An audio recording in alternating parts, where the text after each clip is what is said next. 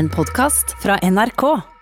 NRK P2. Sondre Lerche er en prisvinnende og bestselgende musiker, låtskriver, filmkomponist og forfatter. Han skrev platekontrakt som 16-åring og fikk stor suksess allerede med sin første utgivelse. Siden den gang har han emigrert til USA, fått fjeset sitt på et frimerke, lager, laget låter for Fantorangen og The Muppets, og fortsatt med å høste voldsom ros for musikken sin. Dette er Drivkraft med Vegard Larsen i NRK P2. Sondre Lerche, velko velkommen hit. Du, tusen takk, eh, Vegard. Hvordan har du det?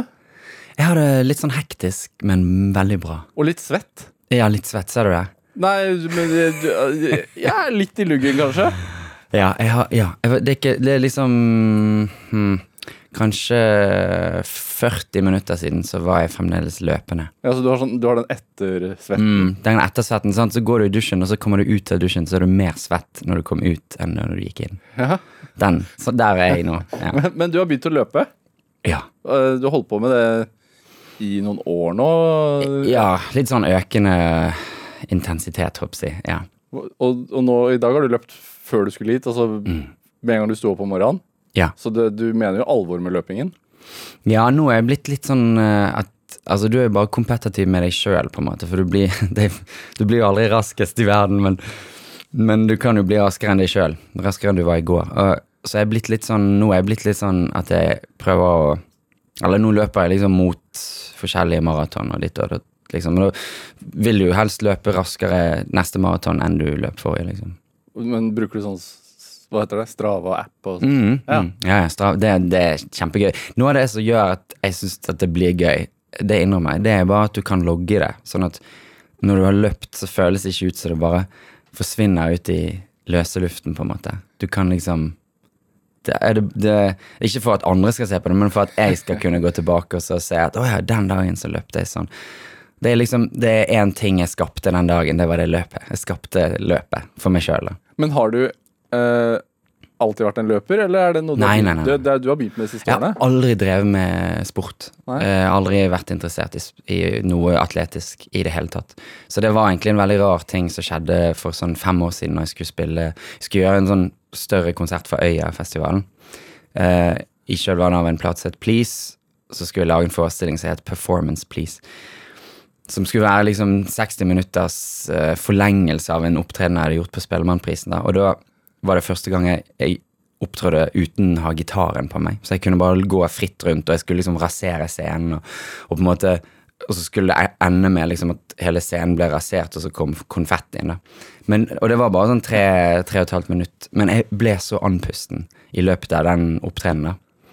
Eh, at jeg var, helt, jeg var ganske flau etterpå når jeg så opptaket, for du ser at, at allerede liksom, før jeg kom til første refrenget i låten, så jo, jeg greier jeg nesten ikke å synge.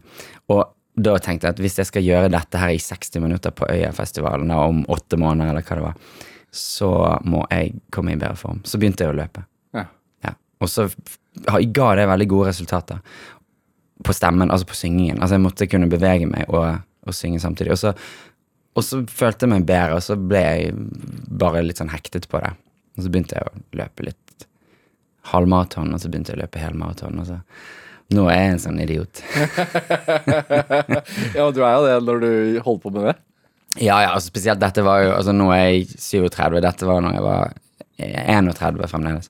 Sant? Så det er jo litt sånn classic. Du liksom kommer i en sånn her Begynner å komme i en eller annen alder, så det bare må gjøre noe annet. Men jeg har liksom Jeg har aldri jeg har aldri drevet, hatt noe annen hobby enn musikk, på en måte. Og det har jo ganske raskt også blitt mer enn en hobby, på en måte. Så det var veldig befriende å plutselig drive med noe som A er veldig kvantifiserbart. Altså Du kan måle det du lett. kan måle det. Ja. Det kan ikke du i musikken. Jeg, jeg har viet livet mitt til fullstendig subjektive, abstrakte, abstrakte ting, liksom.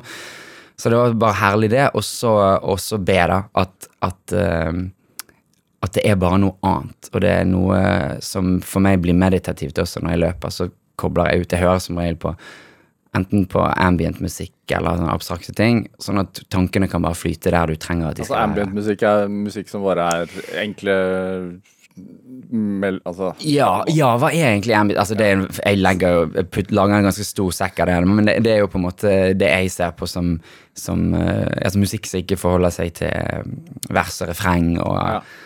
ofte med instrumentalmusikk. Eh, ofte Noen vil kalle det atonalt, og noen ganger er det veldig tonalt. Men for meg var det en sånn oppdagelsesferd da, i, i musikk der jeg eh, kunne være turist, på en måte, og oppdage nye ting, som på en måte sammenfalt med løpingen. da. Men hva skjer altså, ja, det, Så det blir sånn film, egentlig et filmsoundtrack da, til løpeturen? Ja, ja, det der Ja, det ble kanskje det. Og en oppdagelse, liksom. Det at jeg hadde det sånn i begynnelsen da, at hver gang jeg, når jeg løp, så, så hørte jeg på en eller annen en eller annen plate jeg hadde aldri hørt før, med musikk, en form for musikk som jeg egentlig ikke hadde peiling på. Og så bare kaster du deg ut i, i det, og så frigjør det på en måte en eller annen Jeg fant ut at eh, ofte så var det det jeg trengte, var å tenke på ingenting. Og da gjorde du det, men noen dager så var det et eller annet du gikk og liksom gnagde på. Og da tenker du på det, liksom. Men da ble det liksom et sånt frirom til det du trengte, Ja. på en måte. Og, sånn, og, så, og så har du økt på seg det etter hvert, så jeg har plutselig blitt litt raskere og fått til Ja, få til å løpe liksom maraton og sånne helt ting som jeg aldri, aldri, aldri i verden hadde trodd at jeg skulle drive med. Men du er stolt av det, da? Ja. Når du fullfører? Ja, ja, ja. Gud, det er så vondt. Det er helt jævlig.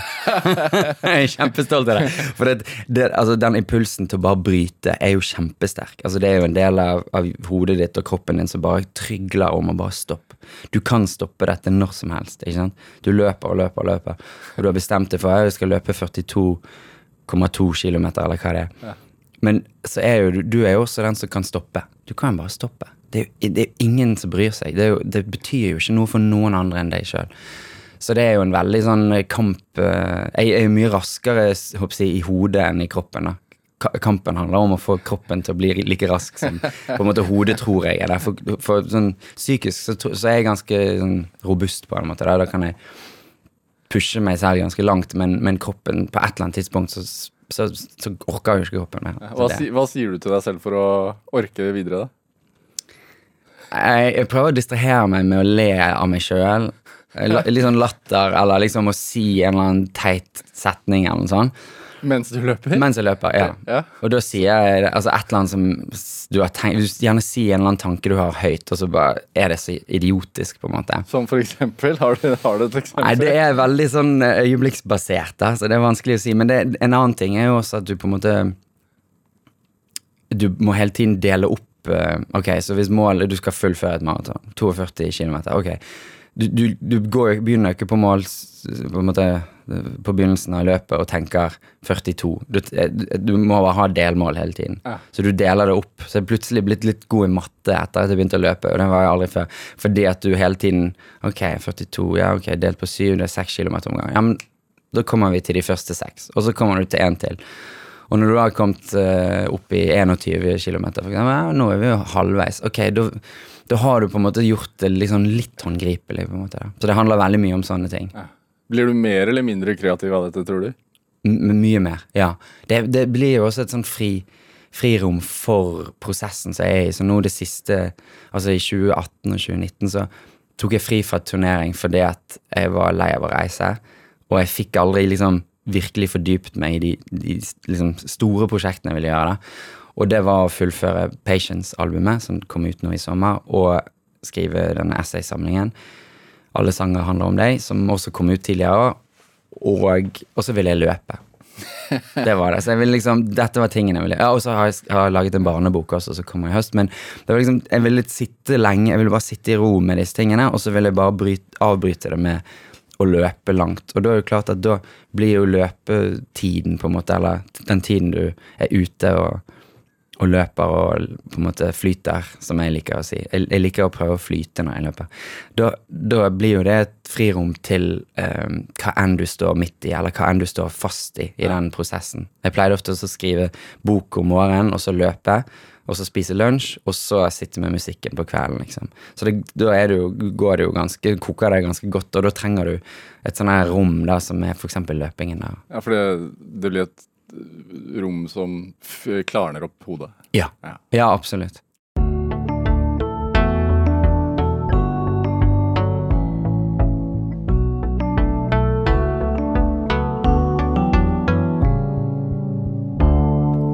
Altså, du hører på Drivkraft på NRK P2, og i dag er musiker eh, Sondre Lerche her hos meg i Drivkraft. Altså, det har vært koronaepidemi. Eh, ting har vært eh, stengt ned. Vi har hørt masse om Sondre Lerche. Ja, det kan jo bli litt mye, kanskje. Nei, men altså sånn mye mer under koronaen enn på ganske lenge. Ja. Altså, du har gitt ut en plate, så det er jo naturlig. Du har gitt ut en, eh, en essaysamling. Men, men altså Du har turnert masse også, Mm. uh, i en tid hvor folk ikke har fått lov til nesten å opptre. Hva, hva, fortell. Nei, altså, det er klart På en eller annen måte så, så har jo du sammenfalt håper jeg, Koronatiden har sammenfalt med med, med håper jeg, lanseringen av min plate Patience. Da. Og i begynnelsen så tenkte jeg å herregud, dette er jo grusomt, dette er det verste som kan skje. Alle tenker jo på håper jeg, først på sine egne, liksom. Åh, hvordan påvirker dette mitt liv, liksom. Og så begynner du å skjønne at ja, shit, det, det, det har jo verre konsekvenser enn det. Men jeg, jeg begynte jo ganske raskt å bare se at shit, ja, ok, jeg må, jeg må snu om på en del planer. Ok, USA, Jeg skulle egentlig på USA-turné nå i september-oktober. Jeg, jeg skjønte jo allerede i, i, ute i mars at det kommer ikke til å skje. Vi håpte lenge at eh, liksom, et eller annet mirakel skal inntreffe, men det gjør jo ikke det.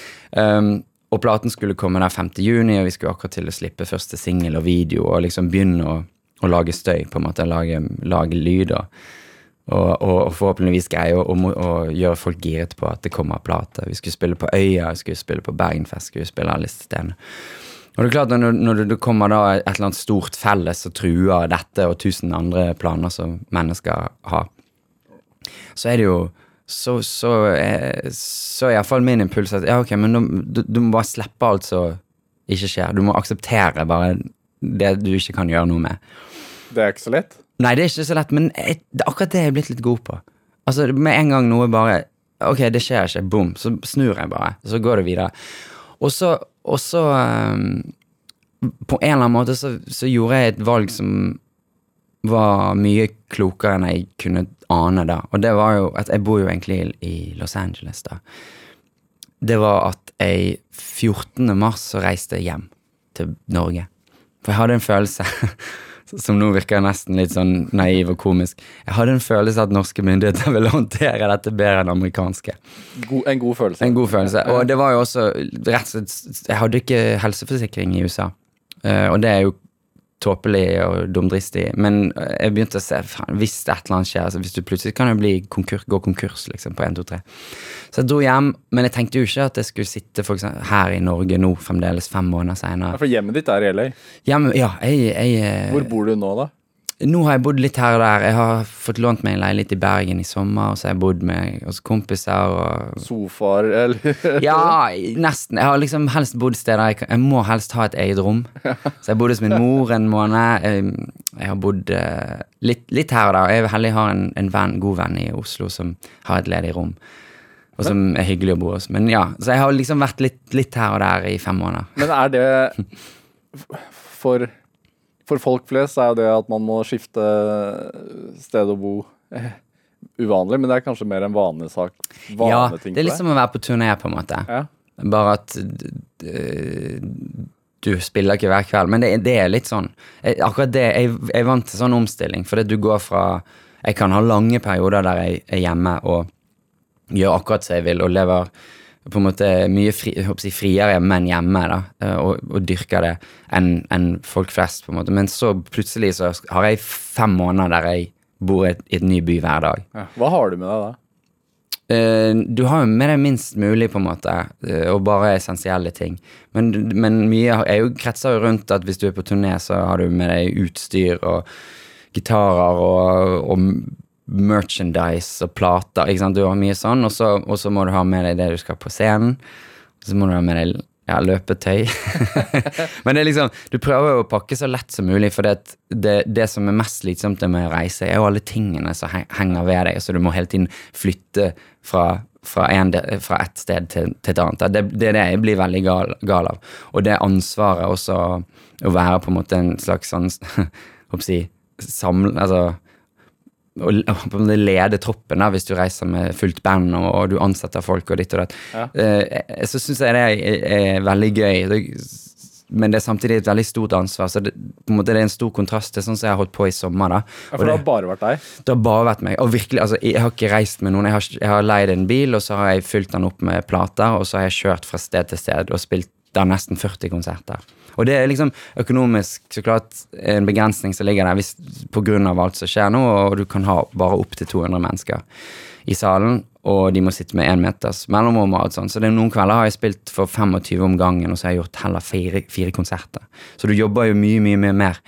Men, men det har vært Jeg syns det er en fantastisk mulighet til å møte publikum under litt sånn ekstraordinære omstendigheter. Um, og egentlig en veldig takknemlig løsning fordi at egentlig så var jo sommeren 2020 avlyst og flyttet til neste år. Ja. Så jeg hadde jo begynt å stålsette meg på at ok, 5. juni kommer platen min ut som jeg har jobbet med i syv år. Og det er ingen mulighet til å turnere den, det er ingen mulighet til å gjøre noe. ikke sant? Alt er flyttet. Så når det plutselig åpnet seg en sånn mulighet, ja, det kan være vi kan gjøre noe solo, så sa jo jeg til, til min eh, sånn eh, bookingansvarlig, sa jeg, men ok, hvis det er en mulighet til å spille, så vil jeg spille mer enn noen. Ja. Og da spiller jeg nesten hvor som helst. Men hvordan er det å spille for 25 mennesker? da? Det er helt herlig. Det, det, det, det, For da ser du jo alle. Ja, ja, ja. Spiller du for og så spiller du på øya, så får du jo ikke noe forhold til Jeg syns det er mye vanskeligere å spille for liksom over 1000 enn 25. Altså, jeg, jeg, Hvorfor det? Jo, for det at eh, når det er over 1000, så blir det så mange at da, da må jeg jobbe mye um, Da må jeg jobbe mye hardere for å gjøre de til individer. Ja, hvorfor er det viktig, da? Jo, det er bare viktig for hvordan jeg um, føler det sjøl. Det er sikkert egentlig bare en egoistisk ting, men når jeg, når jeg kan se individene, og jeg vet, og jeg har liksom et rom å forholde meg til, så føler jeg at da, er det, det er mye Kanskje fordi jeg, jeg har alltid spilt solo siden jeg var liten, så det å på en måte ta et rom alene har, har på en måte vært det enkleste for meg. For det, det er der min trening kommer fra. Å spille i band, det var mye vanskeligere, syns jeg. Å dele liksom også å skulle være liksom et fellesskap og, og, og dele mine sanger, men det skal komme ut av et sånn femhodet troll, for eksempel. Det syns jeg var veldig vanskelig, for det er så personlig for meg. Ja. Så jeg, Hva er, du, hva er du vanskelig å ha med å gjøre da? Det, det kan jeg nok Ja. ja. hvordan da? Er du streng? Jeg, jeg, kan, jeg er nok kontant på en annen måte i musikken enn jeg er i, en måte, i det da- ellers daglige liv. Da. For det, uh, for det, det Når noe er litt sånn åpenbart Altså det, jeg vet ikke, Når jeg vil ha noe på en måte som bare er helt åpenbart for meg, så er det liksom ikke noe sånn eh, Da er ikke noe sånn Da er ikke jeg så diplomatisk, på en måte. For det, jeg ser ingen annen Det er ingenting, ingenting annet som på en måte kan tilfredsstille meg, da, enn enn- jeg, jeg, jeg trenger veldig input fra andre i studio og, og musikerne jeg spiller med. Det er ikke sånn at jeg dikterer alt de skal gjøre, på, noen måte, for jeg trenger deres ekspertise. Men hvis noe er veldig sånn Hvis noe er veldig spesifikt og tydelig for meg, at sånn må det være fordi at for, for at jeg skal kunne kommunisere jeg håper lykkelig med publikum. Og det, jeg, jeg setter ganske Jeg har ganske sånn lav terskel for å ikke nyte det jeg gjør, på en måte. Jeg, jeg føler at hvis ikke jeg nyter Jeg er kjempeheldig og har en fantastisk jobb der jeg bare får uttrykke alt jeg vil, og, og, og jeg har greid å finne og holde på et publikum over, over ganske lang tid. Det er jo et kjempeprivilegium. Så hvis ikke jeg nyter det, så er det, så er det noen andre som fortjener det, tenker jeg. Så det, jeg, må liksom kvalitetssikre min egen opplevelse, da, og det medfører noen ganger at det, liksom, det kan ikke være på noen annen måte. Og det gjør at det kan være enklere enn noen ganger å bare stå i det alene. Og foran 25 mennesker. Det er helt supert. Ja. Men er, trives du alene? Ja. Ja. Jeg, jeg liker det godt. Men det er også er en veldig sånn privilegert greie. Jeg, jeg kan jo bare si det for jeg, jeg vet at jeg kan også ha mange mennesker rundt meg, og jeg er glad i menneskene. Det er en, det er en annen type alenehet. Det er ikke ensomhet, det er Nei. valg, altså valgt Ja, alenehet. det er så jeg ville jo sikkert vært trist hvis jeg var dømt til å tilbringe livet alene. ikke sant? Og hvis ikke jeg hadde de fantastiske menneskene som jeg nå spiller med, som er, er i bandet mitt, eller folk jeg jobber med i studio, eller familie, venner og alt sånt. Altså, det, det er jo um, det er jo ikke ting jeg ville vært foruten, men jeg, det, er jo, det er ikke tvil om at jeg liker veldig godt Og det, det er jo grunnen kanskje til at jeg har likt å bo langt borte i New York og i, i Los Angeles, for jeg liker lange perioder for meg sjøl. For da, da, da kan jeg virkelig gå inn i tingene, og så kan jeg leve akkurat sånn som jeg vil, og så kan jeg glede meg til en gang skal jeg møte mennesker igjen, men da har jeg laget noe som Men kan det gå lange perioder da hvor du ikke treffer andre enn en deg selv og, og gitaren, holdt jeg på å si? Ja, Ja. egentlig. Hva, hva snakker vi? Nei, altså, det, det er ikke Kanskje det kan jo gå to-tre uker, liksom. Men nå, nå har jeg flyttet til LA da, de siste to årene, så har jeg liksom vært litt mer sånn uh, Bjudet på litt mer sosialt, for jeg har en del venner der, og så har jeg hatt lyst til å få flere venner. Du flytter et nytt sted, så er du litt sånn på tilbudssiden. Så i LA så har jeg på en måte prøvd å kombinere liksom lange dager for meg sjøl, men på kvelden så har jeg hatt lyst til å møte folk og være en del av et miljø og føle at du, du, du eh, på en måte ankommer et sted, da, på en måte. Ja. Så det, da har jeg, jeg har vært litt mer I New York så var jeg mye mer sånn heremitt så bare egentlig Jeg var ikke der for å være en del av noe, jeg var der for å forsvinne. Ja. Helst. Ja. Hvorfor var det et behov? Um, nei, for jeg var, jeg var så så fryktelig mye ute og turnerte. Og så var jeg også, når jeg flyttet til New York, så var jeg ganske ung. Jeg syns det var litt sånn her befriende å bare forsvinne i å være en sånn dråpe i havet, da. Og så på den tiden også så var jeg, hadde jeg giftet meg, og, og da handlet det jo mye kanskje om å, liksom, å prøve å, å kompensere for all den tiden du var borte, da. Ved å komme tilbake. Så da, da fikk jeg kanskje aldri vært så mye alene som jeg ville, fordi du kommer tilbake for å prøve å liksom eh, ja, gjøre opp for deg sjøl. Men det Det var iallfall en Altså, New York for meg var veldig sånn fristed, men mest i, i leiligheten min, på en måte. jeg var liksom, Noen ganger så ble jeg gjort oppmerksom på liksom alt som skjer. 'Å ja, men har du vært på den? Har du vært der?' Jeg hadde ikke vært noen steder. Jeg har bare sittet inne. Men da også sikkert da med en trygghet om at, eller en, en visshet om at kan reise hjem til Norge, hvor alle vet Ja. hvem jeg er. Ja, absolutt. Og det er jo klart, det er, det er jo det store privilegiet. At du Ja. Kunne reise inn og ut av forskjellige verdener, og der, der du har litt forskjellige roller. Og. Du, hvem, eh, hvem lager du musikk for, egentlig? Det, jeg lager nok Ja, det er et litt komplisert spørsmål. For det, eh, når jeg skriver det, så skriver jeg bare for min egen tilfredsstillelse. Jeg vil bare lage noe som jeg selv trenger å høre, eller jeg trenger å si, eller jeg trenger å se. Jeg vil lage noe som jeg syns selv har en eller annen skjønnhet, på en måte. Eh, så jeg tenker ikke på publikum da. Jeg tenker ikke på noen andre. Og det er liksom Siden jeg var et barn, så har det vært den store appellen i musikk, er frihet, liksom.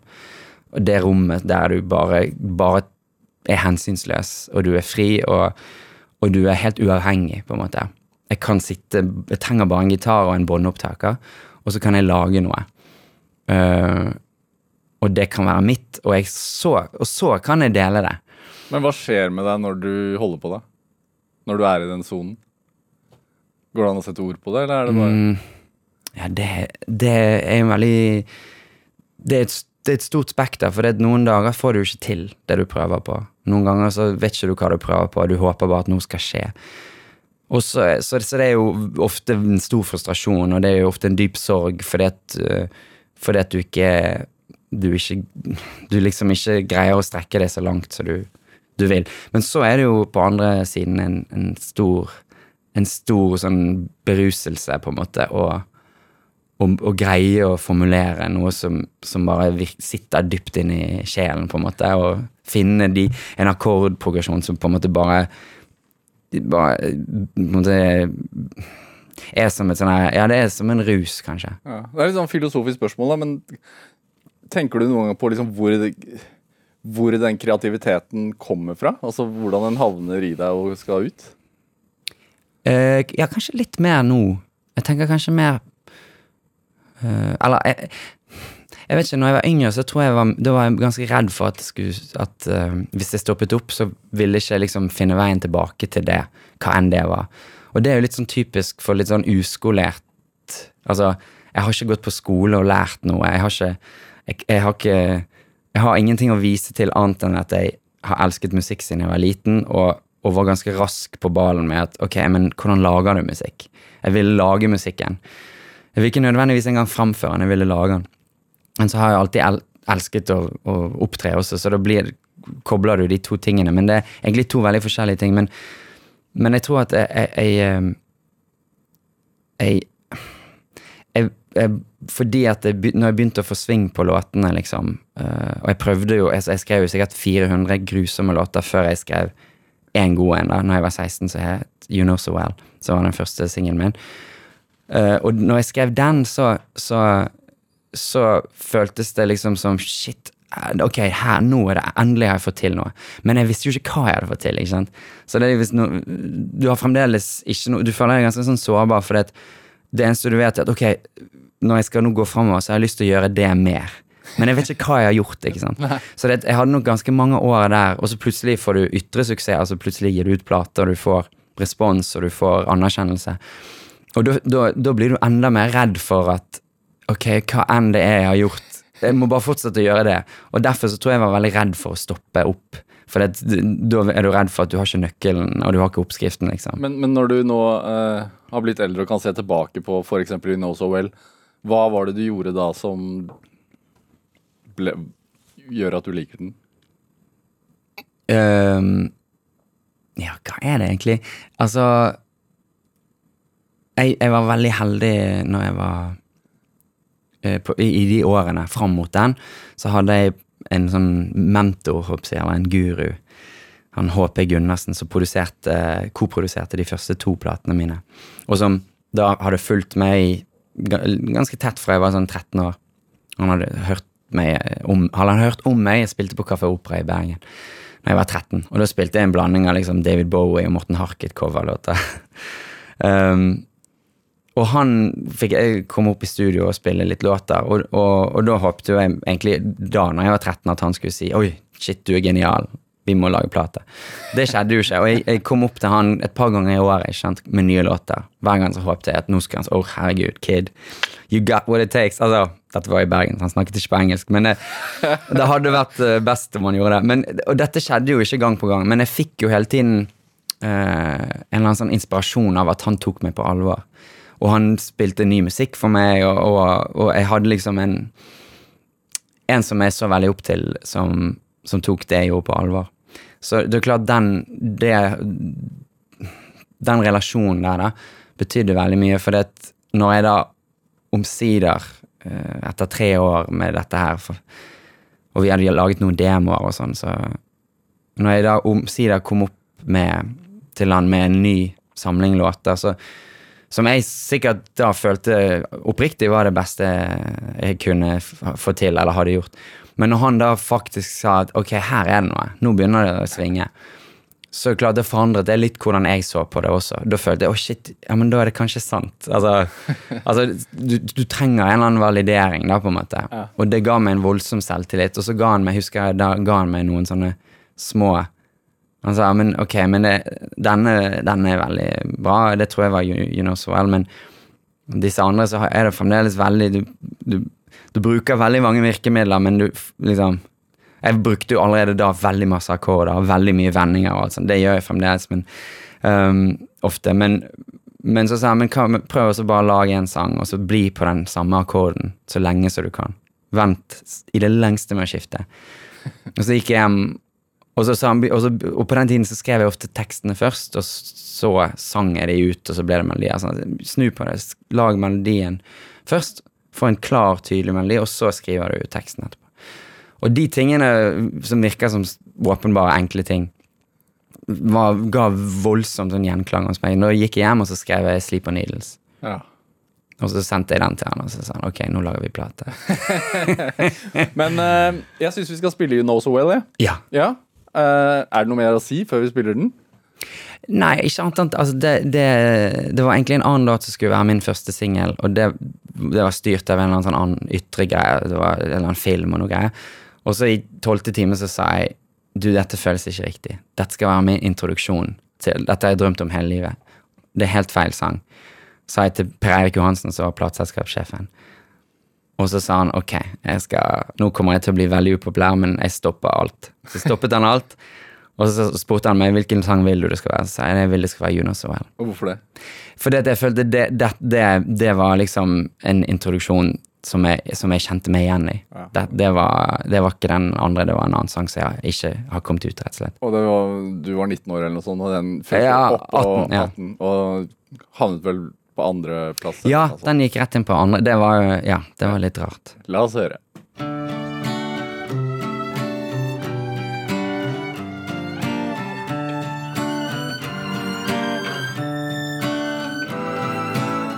Use every chance you've been given.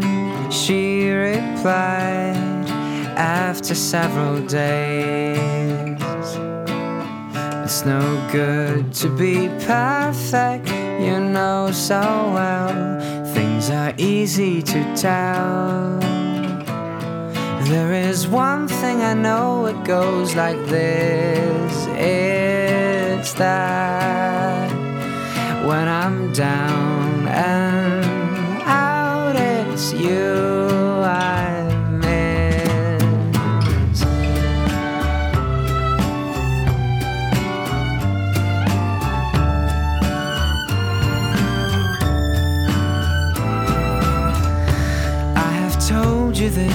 In my transparent mind won't cover see-through hearts. I'll be straight with you now. Now I'm not what you want, just like the rest. And you feel like a subject to a test. If there's one thing I know, it's this. When I lose my sleep, it's you I miss. But you sleep all night, you know you lie awake. Tell me, yeah. And time is running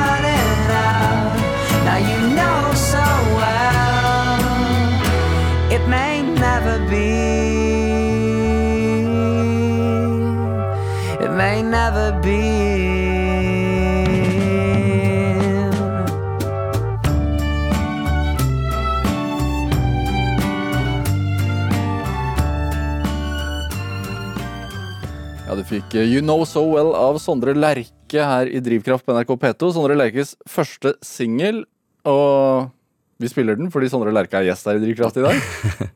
Takk. Du har ikke hørt låten på lenge, sa du? Nei, Du spiller den på når du turnerer, jeg har spilt den nå nesten på hver en Jeg skal kanskje egentlig hver eneste konsert i sommer. men ikke sånn som dette. I, nei, det er alltid det. Det er veldig rart. Ikke sant? For det, det, de sangene muterer og forandrer seg jo gjennom liveopptredener, ja. særlig over tid. Og det er ikke sånn at jeg hele tiden går og hører på mine gamle plater og korrigerer på en måte måten jeg spiller de. De er hele tiden åpne for nye tolkninger, da. men jeg prøver jo å på en måte Jeg ønsker å forholde meg til på en måte kjernen i låten. da Særlig i en sånn sang som den. Du, du ønsker liksom ikke å legge beats på den eller gjøre noe sånn. Den, den må bare få være litt sånn naturlig og klassisk. Så jeg, jeg, jeg, jeg, jeg går veldig inn i teksten og inn i følelsen som jeg husker fra når jeg skrev den. Men, men å høre innspillingen der, det, det er jo vel, jeg synes det er veldig mye som gikk riktig på den innspillingen der. Ja. Ja. Det, men det strykearrangementet der av, av han Sean O'Hagan fra The High Lamas, som var, var og er en, en av mine store helter. Uh, og som var det, det å spille Jeg husker veldig godt når jeg hører det nå, at vi dro, jeg fikk dra til London og spille inn strykere med Sean O'Hagan i Det var kanskje det største skjedd i livet til da. Du, altså, du var 18 år eller noe sånt da den singelen kom ut. Du ble jo omtalt veldig mye i, i riksmedier som så mye eldre enn din alder i forhold til liksom hva slags musikk du lagde. Mm. Eh, hva, men, så, samtidig så sier du til meg nå at du hadde jo ingen musikkopplæring. Du hadde ikke gått noen musikkskole. Du hadde laget, sittet hjemme og funnet ut av ting selv. Mm. Hva, det, Var du fra et musikalsk hjem? Eller er du fra et musikalsk hjem?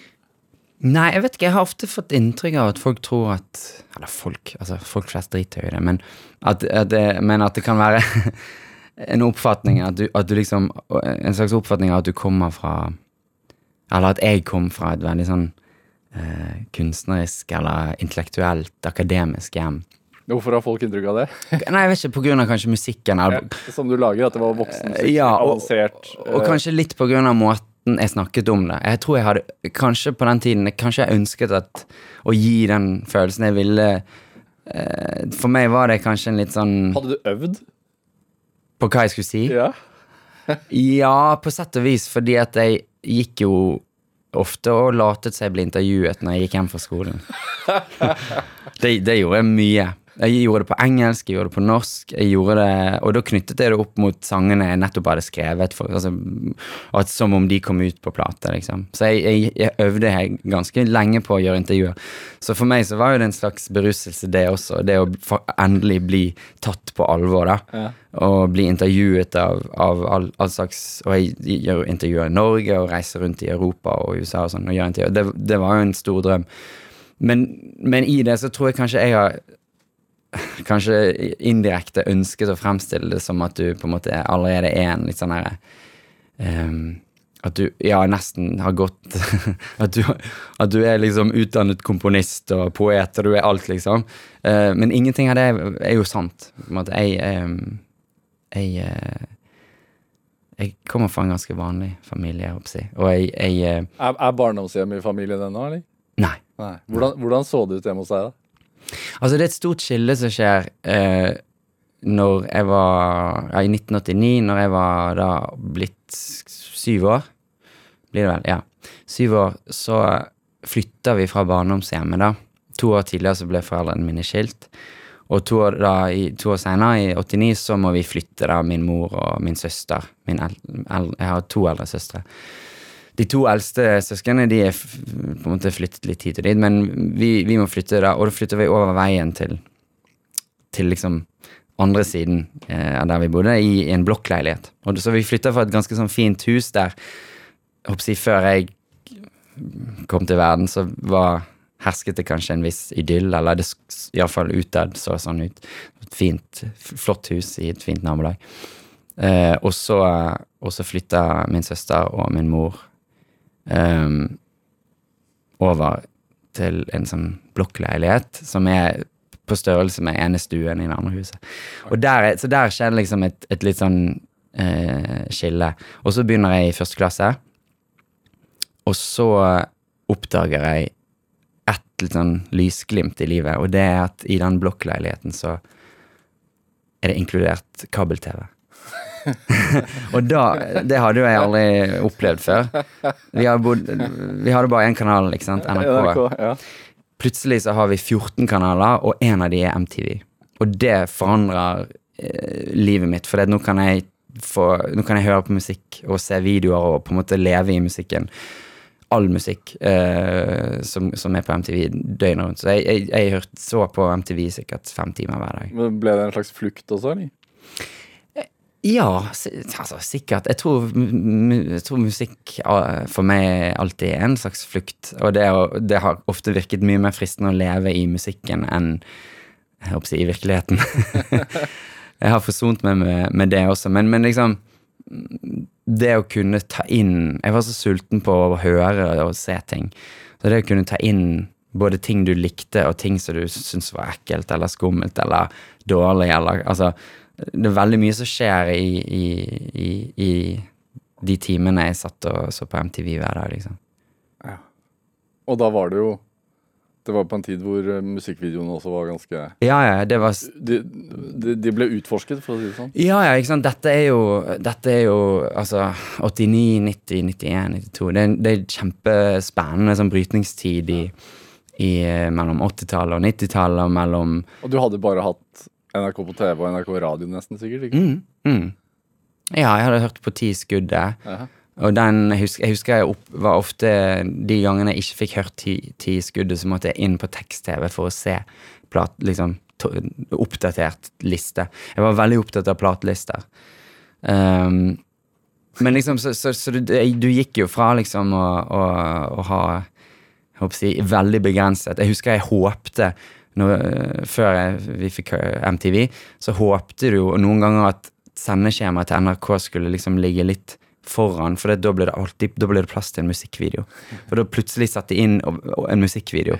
Ja, nå er vi litt foran sendeskjema, så da kommer det en musikkvideo med a-ha Altså håpte du at det skulle være a-ha, så håpte jeg liksom at det skulle være en av de jeg ikke hadde sett, for jeg visste at det fantes en video til The Living Daylights, men jeg hadde ikke sett den. Jeg hadde bare sett Take On Me og Sonoma Chance on TV og Hunting Hindlow og Crywolf og Manhattan Skyline. Men jeg hadde ikke sett Living Daylights. Så, så liksom plutselig en dag skjedde det, liksom. Men du ventet jo på det i månedsvis. Ja. Ja. Men er det så Altså, denne blokkleiligheten du sier det var over gata, altså kunne dere se Nei. barndomshjemmet? Jeg kunne ikke se det, men det var jo ikke, var ikke langt unna. da Men det, var, det, var, det, det, det føltes jo absolutt sånn at du eh, Du på en måte Du tok farvel med liksom det, det gode selskap, på en måte. da Og det var litt sånn Ja, her Her eh, her, her, her, her bor det ikke eh, skilsmissefamilier, på en måte. og både også fordi det økonomisk ikke er mulig. Eh, Men, men også det, så, så over, over, siden, over, over på andre siden av motorveien der det, det, det, det er jo lett å, lett å både dramatisere og romantisere det i ettertid. Men jeg husker når jeg har tenkt på det nå, særlig når jeg satt og skrev i alle den boken, essaysamlingen, så har jeg tenkt veldig mye på disse opplevelsene som er knyttet til musikk, men som alltid også jo, er jo farget av omgivelsene og farget av livssituasjonen, på en måte. da. Så da har jeg forestilt meg veldig hvordan den eh, stemningen i, i meg, på en måte, eller i familien, eller i husholdningen, liksom.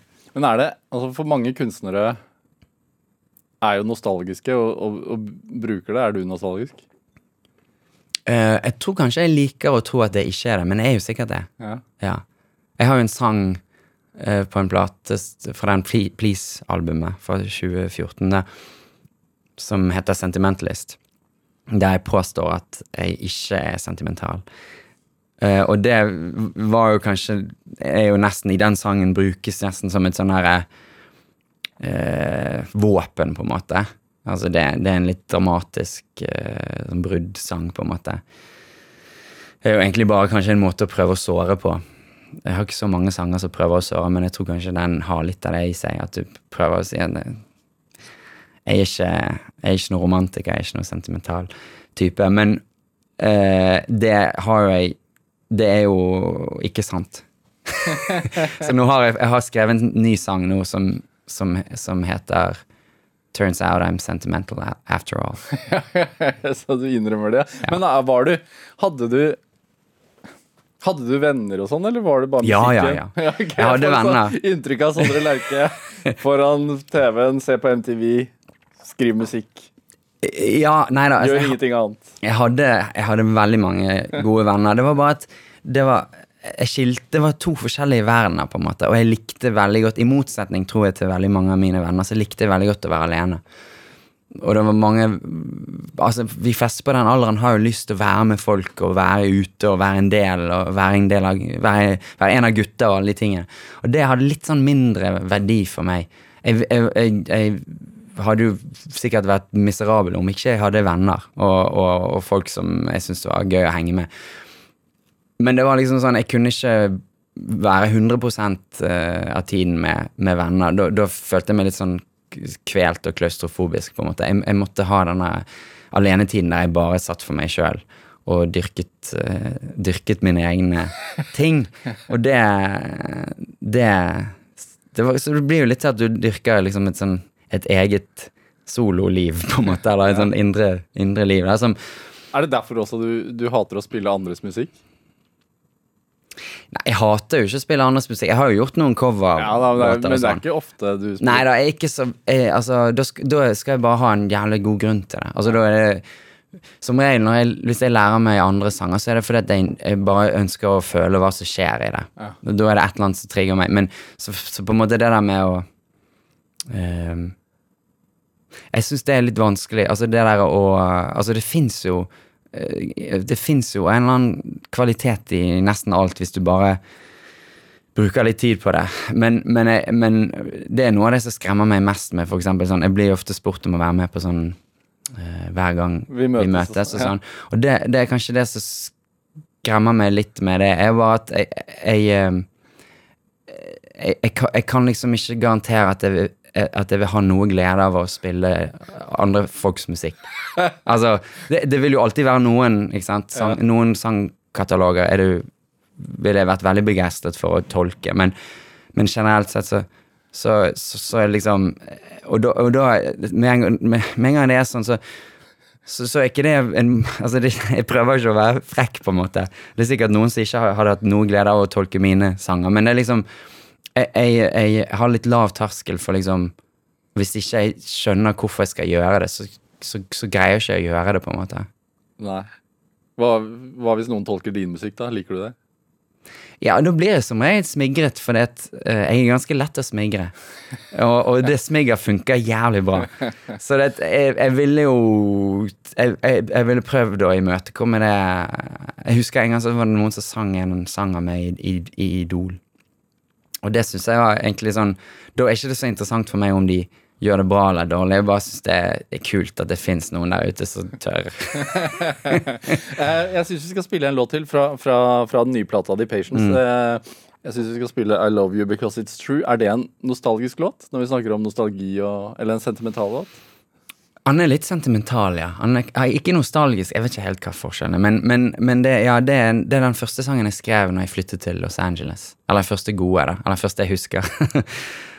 og den eh, Da satte jeg meg ned i den nye stuen, og så lagde jeg melodien, og så syns jeg at det, dette var det kanskje mest sånn kompakte, konsentrerte melodiforedraget jeg hadde fått til noensinne. For det, jeg skjønte at dette blir bare tre minutter. Dette det, det trenger ikke noe mer. Og så tok det noen måneder før jeg skrev teksten. da, men, Og det kom Teksten eh, egentlig ganske Selv om den er en liten sang, så er den ganske for meg veldig personlig og omfattende. Den omfatter mange forhold og mange erkjennelser, og den knytter seg tilbake til eh, en ny, mer empatisk måte å se mine foreldre på, eh, og som jeg eh, gjør, hjelper meg å kanskje forstå meg sjøl også. Så det, for meg er det en veldig liten, stor sang. Stor, liten sang, ja. La oss høre.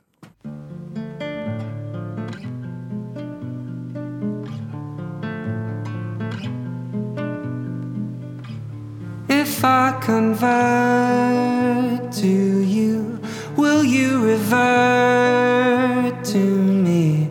Our love could forge a self sustained reality. We'll tell our own damn time, gaslight each other's minds. Sweet confirmation bias time for you and I. This is the most outrageous gift that I could give to you. Surrendering to a lover's lies insisting that they're true. Oh, is this the way our parents used to live? Let's do the opposite of everything they did. It isn't so hard to do. I love you because it's true.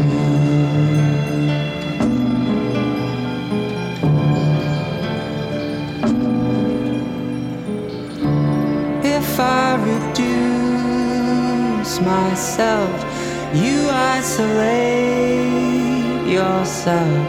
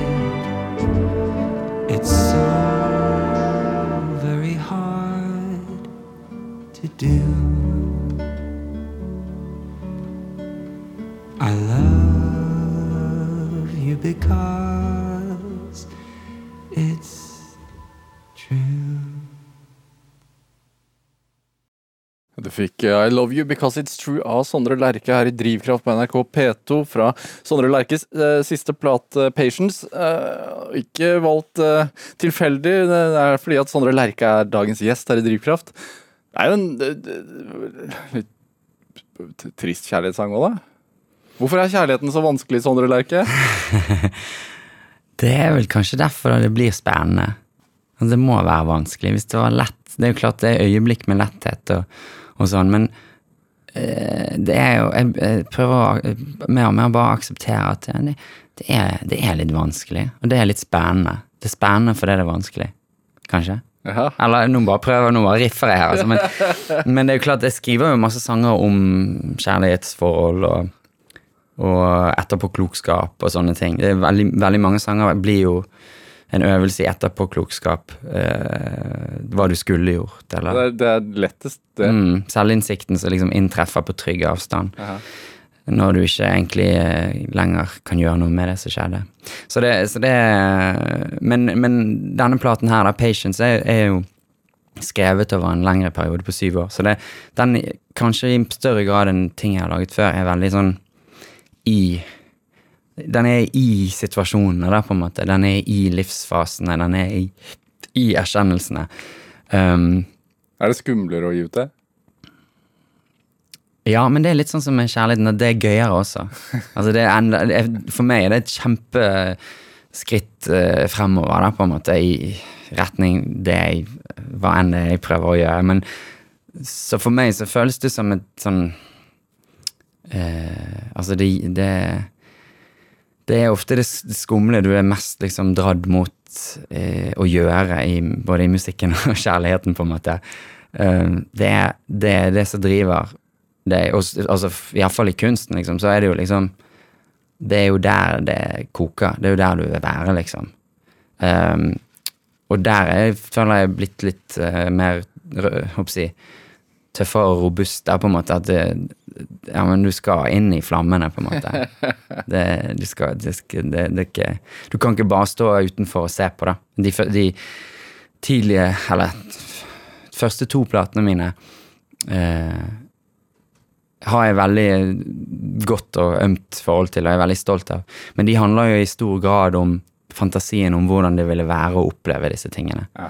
Og, det, og de på en måte iscenesetter og fantaserer. Og du har, liksom, You Know So Well handler jo egentlig nesten mest om hvordan det vil kanskje en gang føles å, å få hjertet sitt knust. Ikke sant? Det, den, det, det romantiserer det liksom fra en som ikke har opplevd noe. Ja.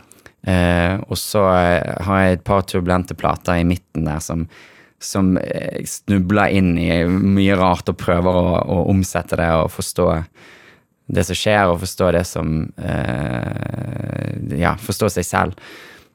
Og så er det et eller annet for meg iallfall som skjer med de siste tre platene, med Please og, og Pleasure og Patience, som eh, Som bare føles for meg eh, Vanskelig å si det, altså, for alle Altså, jeg, jeg mener ikke at eh, at det, er- altså, alle plater har jo sine kvaliteter, men for meg så, så er det, er er opp, opplever jeg at eh, jeg opererer på et annet nivå rett og slett, enn jeg gjorde før. Er det Fra man får hjertet sitt knust til man klarer å omsette det til noe konstruktivt. Er det, hvordan er den veien? Nei, nå opplever jeg at, jeg, nå, nå opplever jeg at, jeg, at alt blir omsatt på 1, 2, 3. nå, nå eh, Kanskje det er det som har skjedd på en måte i disse siste tre platene. Nå, nå, skjer, nå skriver jeg i real time. Så, så og, så har jeg, føler jeg en annen sånn trygghet i at, jeg, at la, jeg lager sanger. Jeg lager ting. Jeg kan lage ting. Jeg, kan, kan skrive en sang om, om vårt møte her nå i, i, i Drivkraft, liksom. Og den kan bli alt mellom god og genial. Det, alt altså, er, noen dager er du mer inspirert enn andre, og noen ganger eh, er, er, det, er det et eller annet eh, som bare skjer, og noen ganger er det et eller annet som bare ikke vil skje. Men, men jeg er blitt mye tryggere på at liksom jeg kan, jeg kan lage ting Jeg kan få ting til å skje. Jeg kan lage ting som blir bra. Noen ganger blir det kjempebra. Noen ganger så blir det godt nok. Og så klart, noen ganger så, så lager du noe som bare er dårlig, men det skjønner du som regel neste dag, og så, og så tar du det vekk. Altså, det møter aldri publikum, da. Så jeg skriver fremdeles masse dårlige låter, men jeg, jeg prøver å, å beskytte publikum mot de. Er, det, er du fullstendig fri når du lager musikken? Ja, det føles sånn. Er det liksom din, din virkelige frisone? Ja.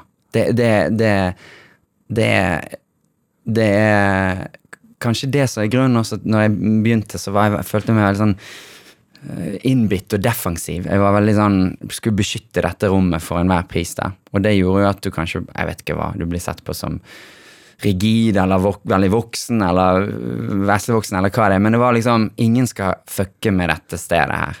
Det, for det, det har vært min hule, liksom. Og det, sånn er det fremdeles, men jeg føler meg mye mer avslappet da nå i det at eh, jeg trenger ikke å beskytte det så jævlig. Jeg bare, jeg bare jeg bare durer i vei, da. Og nå går det mer sånn automatisk. Altså det, nå føler jeg det er ingen som kan Det er ingen som kan fucke med det stedet. Det er, det er bare eh, Jeg kunne bare gått ned i hjørnet her nå, og så kunne jeg gjort noe. Du kunne sittet her og, og fortsatt å snakke, liksom. Jeg, jeg føler det, liksom, det er ingenting som kan true det lenger. Nei. Og det er litt uh, herlig. Det gjør at jeg slapper mye mer av, og også at jeg lager mye bedre ting, føler jeg. Hva, hva tenker du er liksom drivkraften din med det hele? da? Ja, det, shit, det er et litt stort spørsmål. Det vet ikke om Vi jeg har har. ikke så god tid, så du må være kort. Det er kanskje det jeg ikke helt har svar på. Altså For meg så er det kanskje en stor del av bare min selvfølelse og identitet, da, kanskje. Eh, Det, det er kanskje der jeg eh, Kanskje jeg lever litt ekstra mye der. Eller nå, jeg føler jeg begynner å balansere det ut nå. Du, jeg syns det var så fint. Ja. Og det er det vi har også. Ja. Sondre Lerche, tusen takk for at du kom hit. Tusen takk. Hør flere samtaler i Drivkraft på nett, eller last oss ned som podkast. Send oss også gjerne ris og ros og tips om mennesker med drivkraft. Send til drivkraft, krøllalfa, nrk.no. Vi hører gjerne fra deg. Produsent i dag var Pål Arvid Jørgensen. Ellen Foss Sørensen bidro også sterkt til denne sendingen. Jeg heter Vegard Larsen. Vi høres. Du har hørt en podkast fra NRK. Hør flere podkaster og din NRK-kanal i appen NRK Radio.